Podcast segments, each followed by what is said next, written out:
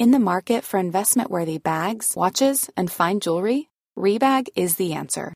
Rebag is a luxury resale platform where each piece is carefully inspected by experts to ensure quality and authenticity. Use Rebag to buy and sell finds from the world's top brands, including Louis Vuitton, Chanel, and Cartier. Head to Rebag.com and get up to 15% off your first purchase as a member with code REBAGNEW. Shop today at Rebag.com. That's R E B A G.com. And use promo code REBAGNEW for up to 15% off your first purchase as a member. Hey, I'm Ryan Reynolds. At Mint Mobile, we like to do the opposite of what Big Wireless does. They charge you a lot, we charge you a little. So naturally, when they announced they'd be raising their prices due to inflation, we decided to deflate our prices due to not hating you.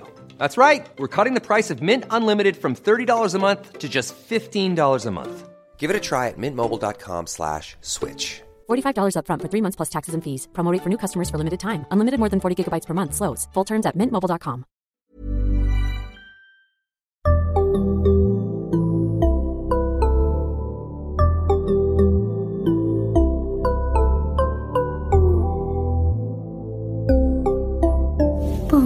Barnpsykologerna. Välkommen till Barnpsykologerna, en podcast med Liv Svirsky och Lars Klintvall. Och idag har vi med oss Ann Fernholm. Eh, Och Ann har tidigare varit med oss i avsnitt 50 och då handlade det om eh, kostråd för små barn. Eh, Men idag ska vi prata om ett helt annat ämne. Men jag börjar med att säga hej till dig Ann. Hej Ann! Hej, hej! Hej Liv! Eh, Du är ju engagerad i det här med eh, hjärnans behov av olika ämnen, alltså av olika näringsämnen. Och hur brist på näringsämnen i maten potentiellt skulle kunna påverka hjärnan och barns utveckling och psykiska välmående och så. Och det är ju vad vi ska prata om idag. Men jag tänker att du kan väl dels presentera dig och din bakgrund och sen också komma in på just det här engagemanget i just den här frågan. Ja, men jag, är, jag har disputerat i biokemi, så min bakgrund är som biokemist. Det här, och det handlar ju liksom om det här fantastiska maskineriet vi har inom oss och hur det driver oss. Liksom. Eh, och, men sen så blev jag journalist för jag tyckte forskarvärlden behövde granskas mera, för jag tyckte man drog lite för långtgående slutsatser på lite för bräckliga data. Och sen, eh, ja det är väl runt 2009 någonstans som jag började granska vetenskapen bakom våra kostråd och fastnade i det.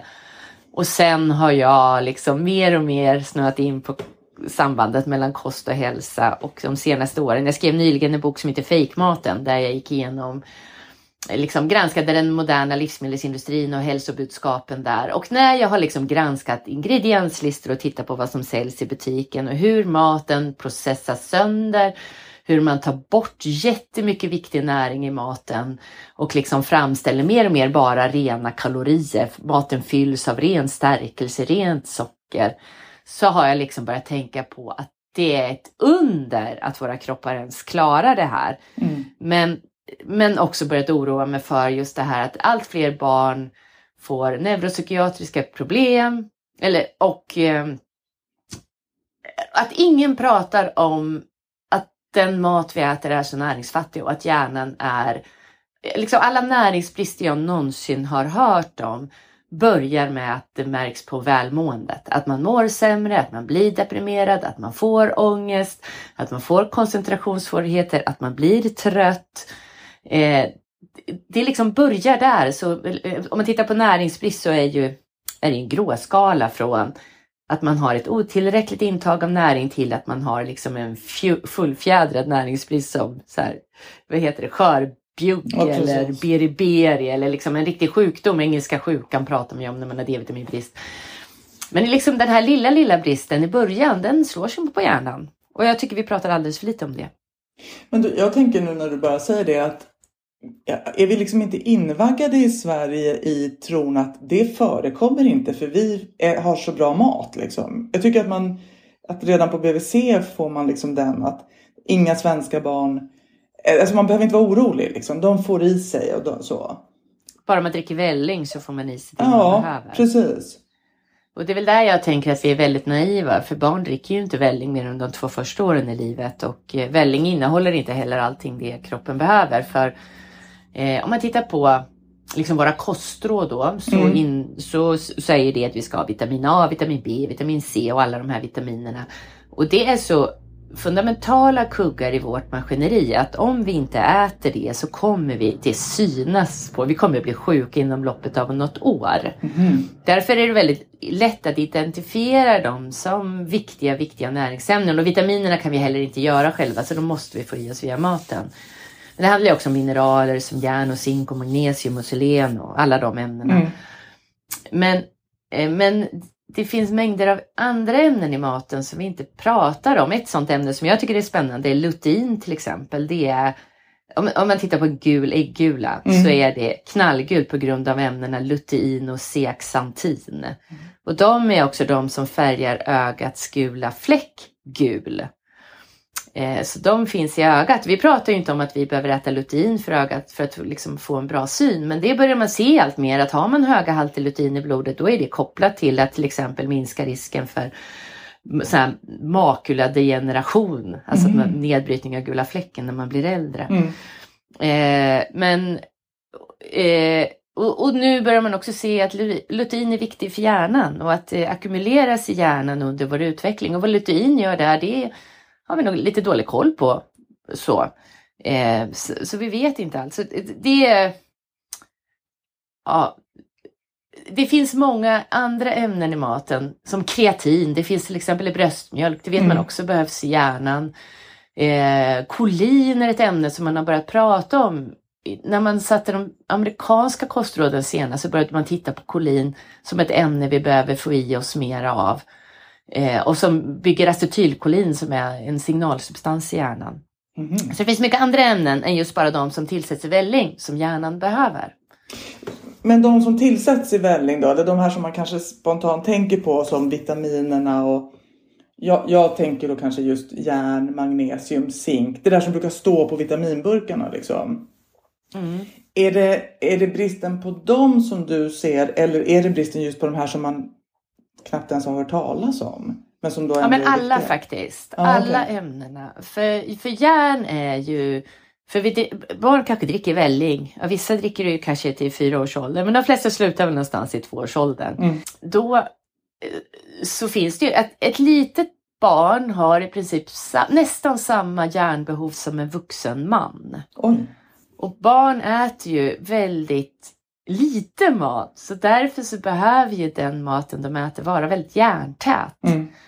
Eh, och det tror jag inte riktigt jag har koll på.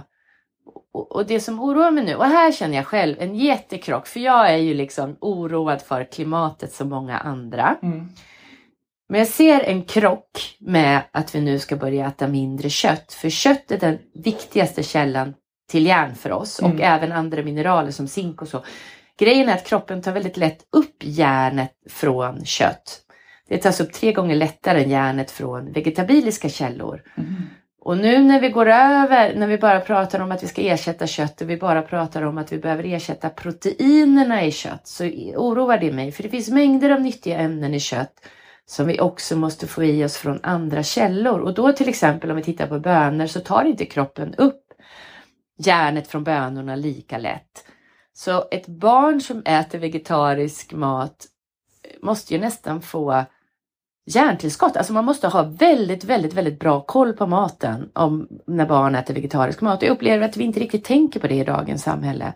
Det finns många fler ämnen i, i liksom kött och animalisk föda som är svårt att få i sig via vegetabilier. Mm. Som kreatin till exempel och eh, ja, kolin. Vad är kreatin? Ja, kreatin, oh, ja, den exakta kemiska formeln. Men det är ett ämne som är viktigt för kroppen och musklerna och hjärnan. Och, det. ja. Ja, vi, kan ju inte, vi kan göra kreatin själva. Men man tror att vi också behöver äta kreatin för att. Det finns till exempel kreatin i bröstmjölk. Mm. Och det tror man finns där för att barn behöver det. Det låter ju rimligt. Att det... Ja, eller hur? Bröstmjölk är ju... Bröstmjölk har utvecklats för att optimera vår utveckling. Men, Ja. men eh, om man då... Alltså jag tänker att det borde, det borde kunna vara lätt att, att ett barn får järnbrist även om de äter rött kött. För att återigen då, att det, om det behövs lika stora mängder som för en vuxen man. Det kanske är små, två, få ungar som får i sig det ändå. Och, och, då är, och då kan man säga att rekommendationerna kring järn och sådär är och alla näringsämnen är satta för att verkligen ingen ska kunna få någon brist. Mm. Så att även om man ligger lite lågt i järnintag, kroppen är så fantastiskt konstruerad så att om man har en brist på järn då blir kroppen plötsligt bättre på att ta upp järn och sådär. Så att Mhm. äter man näringsrik mat och äter kött, då tänker jag att man inte behöver oroa sig. Däremot, liksom barn som utvecklar glutenintolerans, Mm. där tarmarna, eh, det här luddet i tarmarna bryts ner, där kan man se att det kan upptäckas på grund av att man har järnbrist. Men barn behöver absolut få i sig ordentligt med järn och där tänker jag att en av livsmedelsindustrins absolut viktigaste uppgifter nu är ju till exempel att skapa vegetarisk mat. Det finns sätt där man kan frigöra järnet i vegetarisk mat så kroppen har lättare att ta upp det. Mm. Och det skulle livsmedelsindustrin kunna ägna sig åt istället för som nu att processa sönder maten och skapa en massa konstgjorda livsmedel som de gör. Just det. Och, och vad, om, man, om ett barn får järnbrist då, eh, vad, vad är de tidiga tecknen på det? Vad skulle, vad, vad, vad kan Ja, man... det är koncentrationssvårigheter och trötthet. Och de som har störst risk för järnbrist är ju unga kvinnor, Mm. menstruerande kvinnor och småbarn. Och gravida kvinnor. Eh, men eh, kvinnor, eh, unga kvinnor har ju nästan dubbelt så stort järnbehov som vuxna män. Mm. och det är de nu som ofta tar då ansvar för klimatet och Mm. drar ner på sin köttkonsumtion. Men egentligen är det ju äldre män eller, som borde ta ansvar för klimatet och inte äta så mycket kött. För de har väl minst behov av, av järn Mm. egentligen. Mm. Eh, så det är lite, det är en krock där för vad klimatet behöver. Men, men vi skulle kunna lösa det problemet om vi faktiskt eh, erkände att det är ett stort problem. Jag upplever att vi inte gör det idag i samhället. Mm. Men små barn och koncentrationssvårigheter. Den, den Ja. kombon känns ju liksom, hör vi ju mycket om. Alltså Ja. kan man, är det, är det liksom helt crazy förhastat att tänka att det skulle kunna handla om till exempel bristtillstånd när barn uppvisar sådana här beteenden eller liksom symptom? Nej, jag så tycker snarare att det är helt logiskt och att det är väldigt märkligt att vi inte pratar mer om det i samhället och att det oroar mig. Jag eh, har liksom haft kontakt med föräldrar som har haft liksom unga, eller barn som har gått på BUP som dessutom faktiskt har varit vegetarianer. Mm. Eller en ung tjej i det här fallet där BUP inte ens har tagit järn, liksom kollat järndepåerna i kroppen. Och då när man kollar om man har järnbrist, då ska man kolla eh, inte bara kolla blodvärdet utan också det som heter järndepåerna. Mm.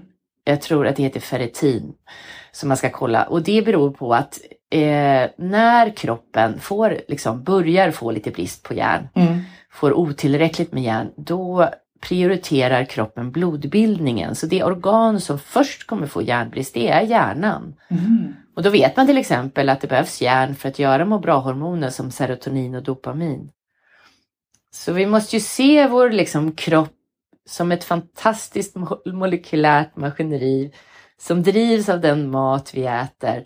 Och vi måste äta alla molekyler som det här maskineriet behöver. Mm. Eh, och, och det där behöver vi hålla koll på. Bortsett från järn då?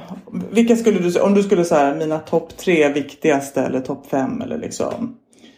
Vilka är det viktigaste att vi håller koll på just?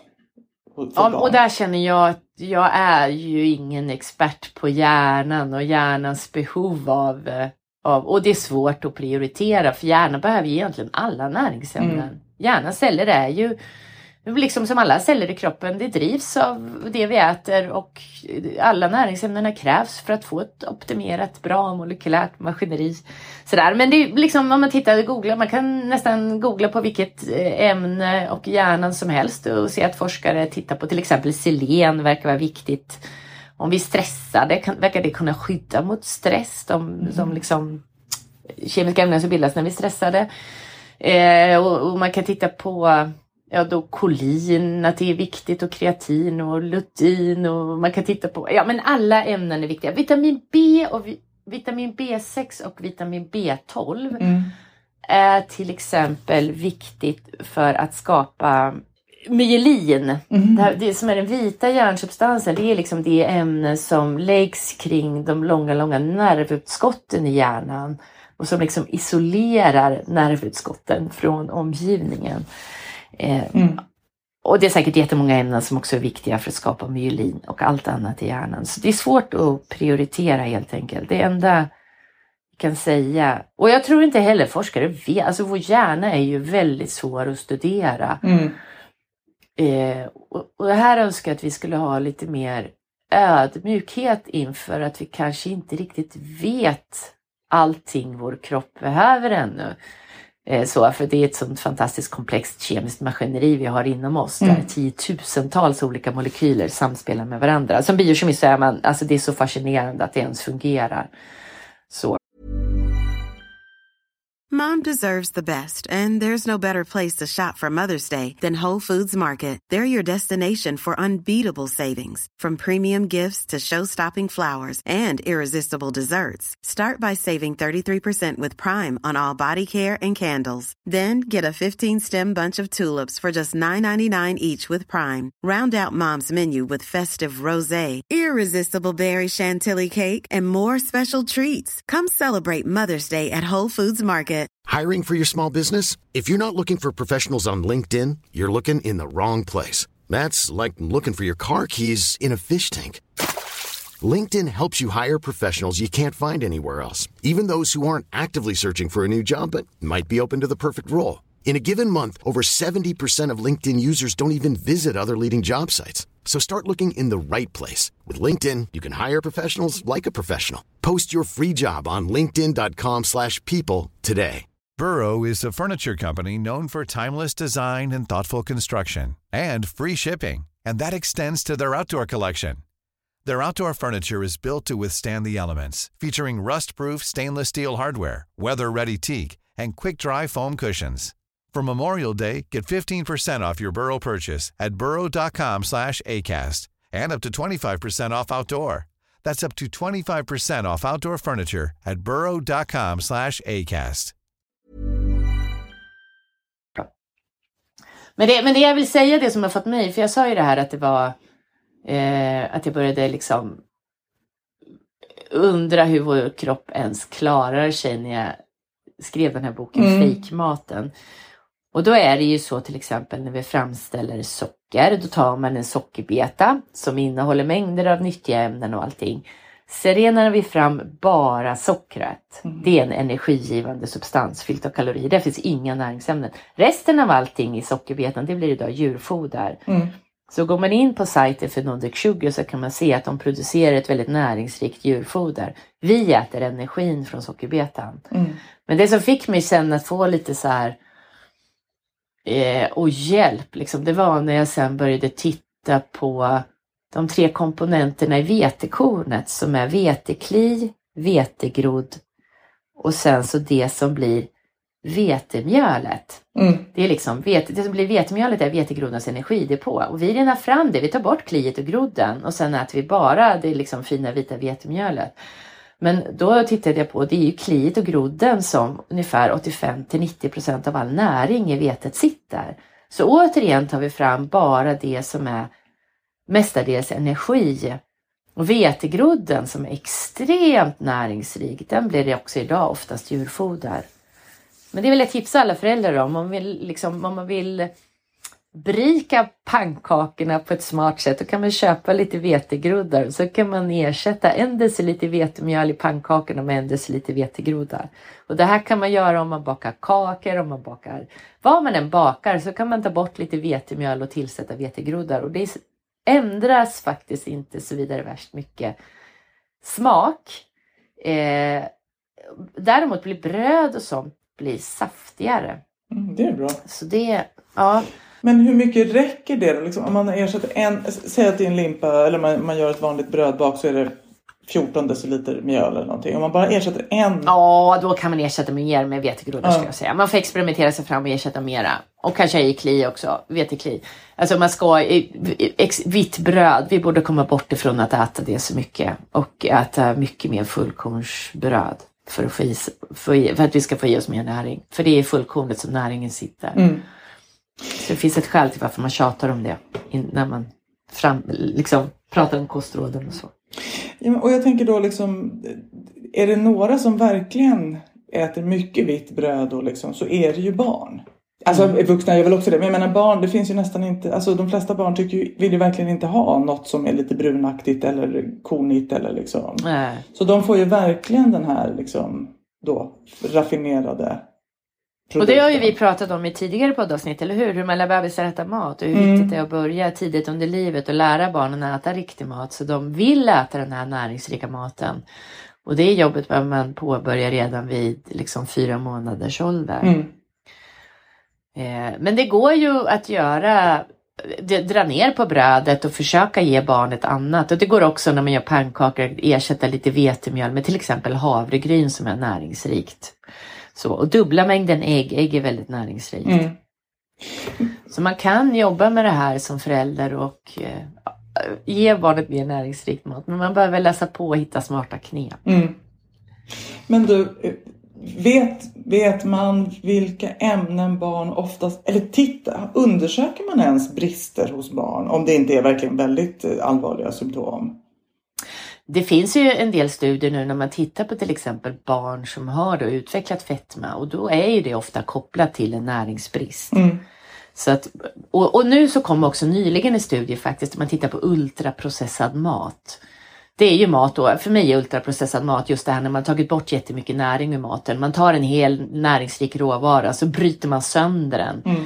Eh, och så tar man bara fram den energigivande substansen. Mm.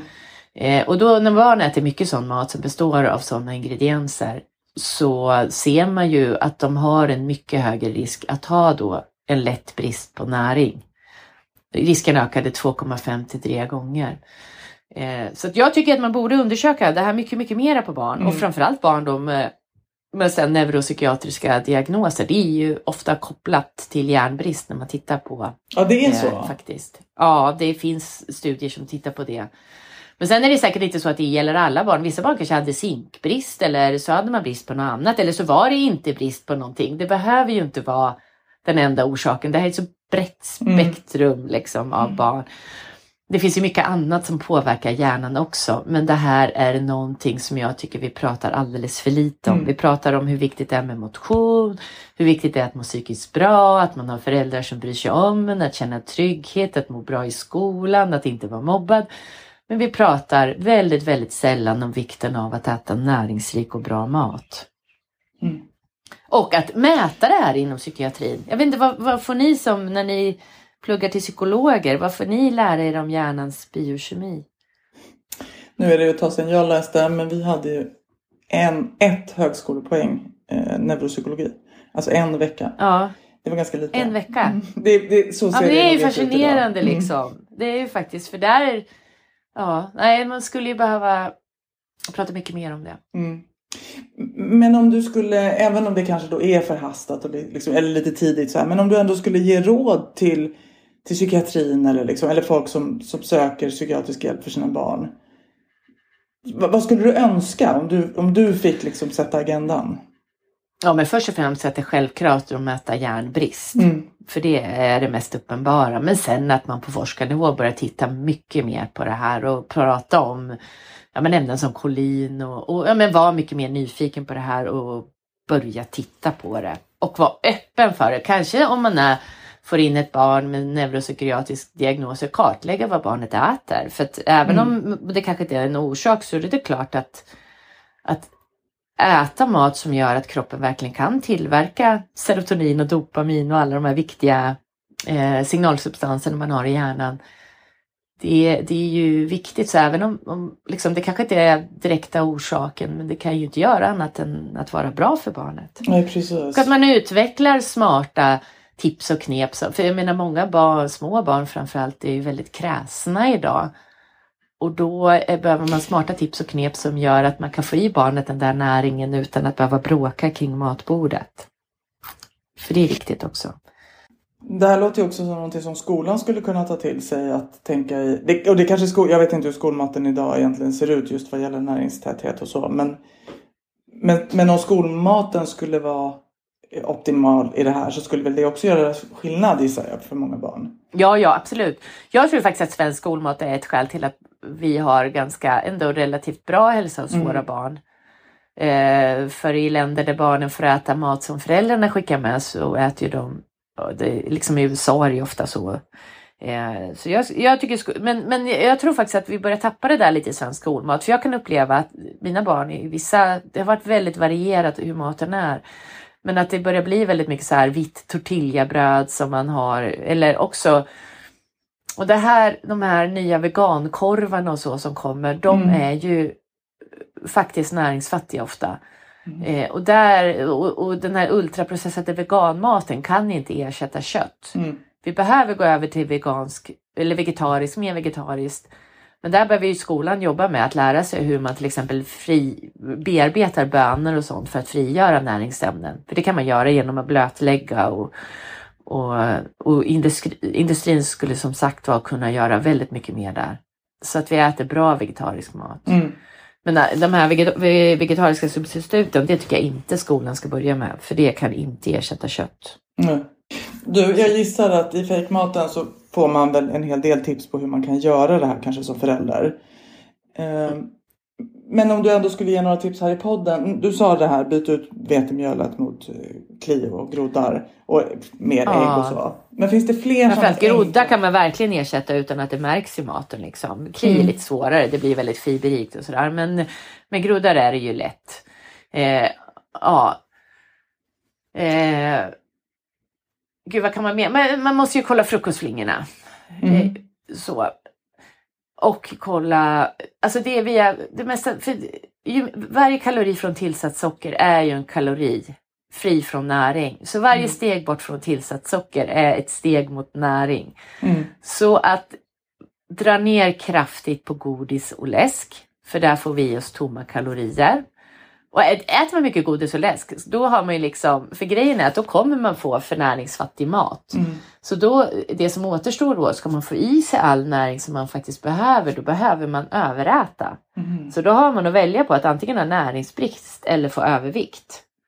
Så, så det är liksom den krassa ekvationen vi står inför. Så verkligen att titta på tillsatt socker, det dolda sockret i maten får vi främst i oss via mellanmål och frukost. Så att det, man inte äter för mycket söta mjölkprodukter. Till exempel så kan man göra en egen fruktyoghurt genom att mixa frukt och bär och banan som Mm. sötningsmedel. Då får man ändå i sig näringsämnen som finns i bananen eh, med sockret. Mm. Och nu har det kommit också, tycker jag, det här nya godiset som bygger på dadlar. Mm. Dadlar som vissa säger. Vad säger du Li? Dadlar, Dadlar, eller dadlar? Dadlar, Ja. är bra. Ja, och då tänker man, ja men det är ändå mycket socker, spelar ingen roll om man inte dadlar eller det finns ju nu som typ så här sura kolanappar som, dad, som, i form av dadlar. Mm. Men då ska man tänka att i daddeln finns ju näringsämnena bevarade och det finns fibrer. Så att i daddeln finns näringsämnen som kroppen, så då får vi näring samtidigt som vi äter något som smakar som godis. Då finns det som saltlakrits också Ja. till exempel. Så att gå över till sånt godis, det är såklart dyrare. Så det är, en, det är ju dumt för det blir ju en ekonomisk fråga idag vilka som har råd att äta näringstät och bra mat. Men har man råd så ska man absolut hellre välja det än godis till sitt barn. Mm. Eh, gud, vad har jag mer för råd? Andra mjölsorter som också är mer näringsrika än vetemjöl. Att börja experimentera med bovete och man kan ha i teffmjöl och durramjöl. Det är fullkornssädesslag. Mm. Eh, och experimentera med att ersätta vet, liksom, olika former av vetemjöl med det. Mm. Och sen så, jag menar, själv köper jag alltid den här jag köper inte vanlig bara vit pasta utan det finns ju en pasta som heter eh, bönpasta. Det är Mm. 30 procent av vetemjölet ersatts med bönor. Det är ju ett steg i rätt riktning. Det ger inte så mycket järn eh, och sånt men det ger andra näringsämnen och mer fibrer som vi också behöver. Mm. Man ser ett väldigt samspel mellan tarmarna och hjärnan idag också. Så att jag, Just det. jag, vill, jag vill säga till alla att vi behöver vara väldigt ödmjuka inför det här för vi vet verkligen inte allt om hur vår kropp fungerar. Och till exempel tycker jag att det är problematiskt när man till exempel tar fram kostråden. Då är man väldigt fokuserad på hur vi ska förebygga livsstilssjukdomar som hjärt-kärlsjukdom och typ 2-diabetes. Mm. Och så säger man att ja, vi ska ersätta, vi ska inte äta, vi ska ersätta mättat fett med rapsolja. Men i det där så tycker jag man saknar analysen av vilka fetter hjärnan behöver. För hjärnan är en stor fet klump liksom. Och där nervcellernas, så här, nervcellernas funktion är otroligt beroende av vilka fettsyror som finns i det membran som omgärdar liksom nervcellerna. Och vi måste börja prata om vad behöver det membranet för fettsyror för att liksom fungera optimalt. Mm. Det är någonting som vi också måste ta in när vi sätter kostråd. Så. Ja. Ann, jag tänker att, att eh, det här är, är matnyttigt eh, på många...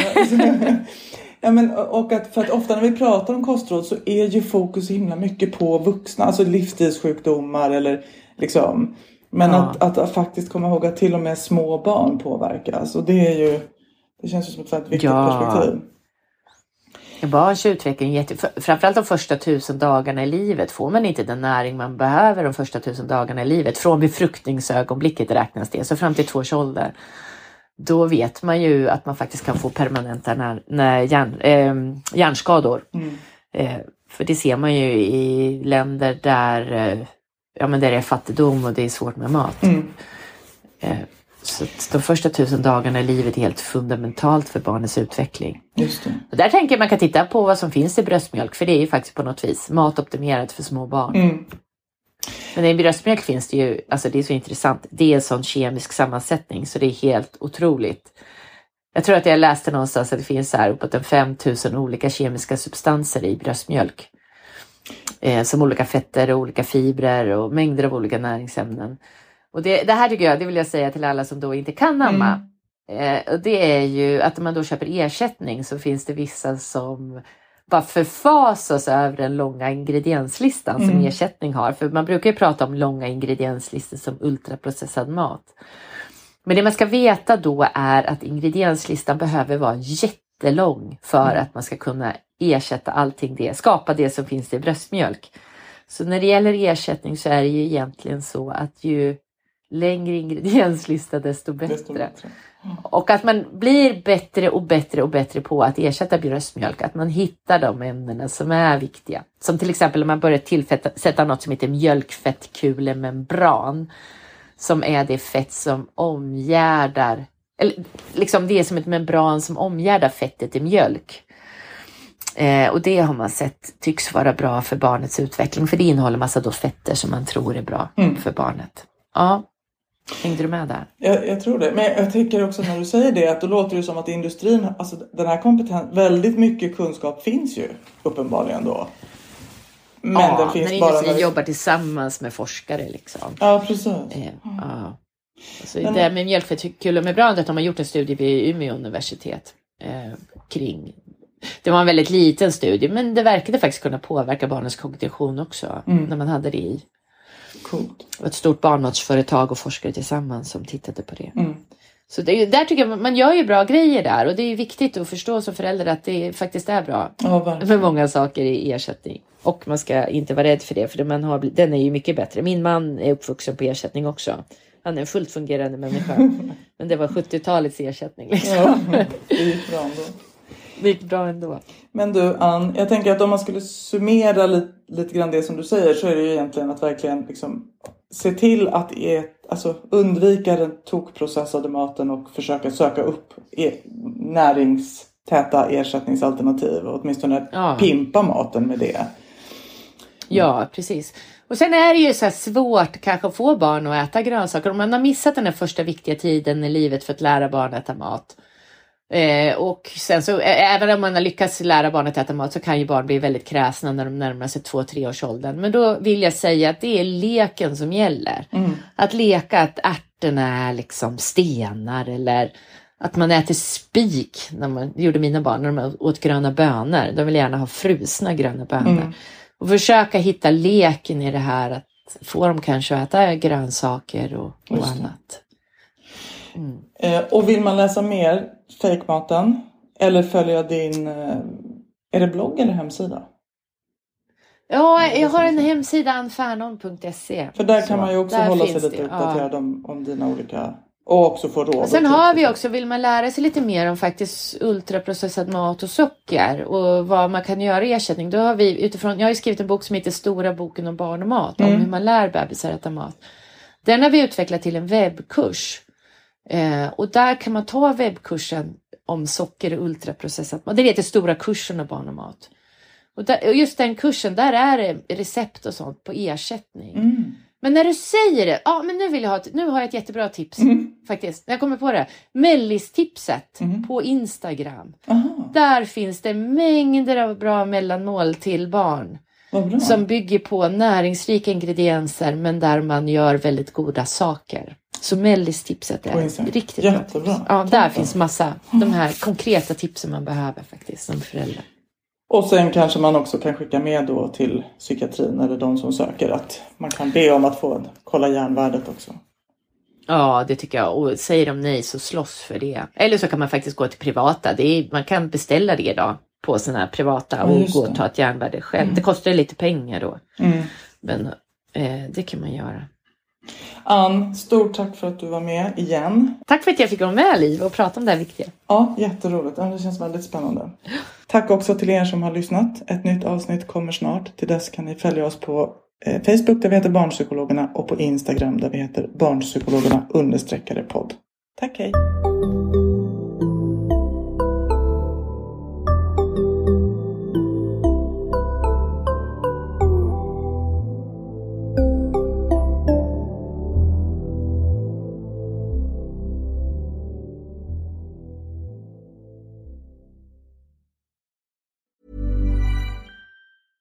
Imagine the softest sheets you've ever felt. Now imagine them getting even softer over time. That's what you'll feel with Bowl and Branch's organic cotton sheets. In a recent customer survey, 96% replied that Bowl and Branch sheets get softer with every wash. Start getting your best night's sleep in these sheets that get softer and softer for years to come. Try their sheets with a 30-night guarantee. Plus, get 15% off your first order at bowlandbranch.com. Code BUTTERY. Exclusions apply. See site for details.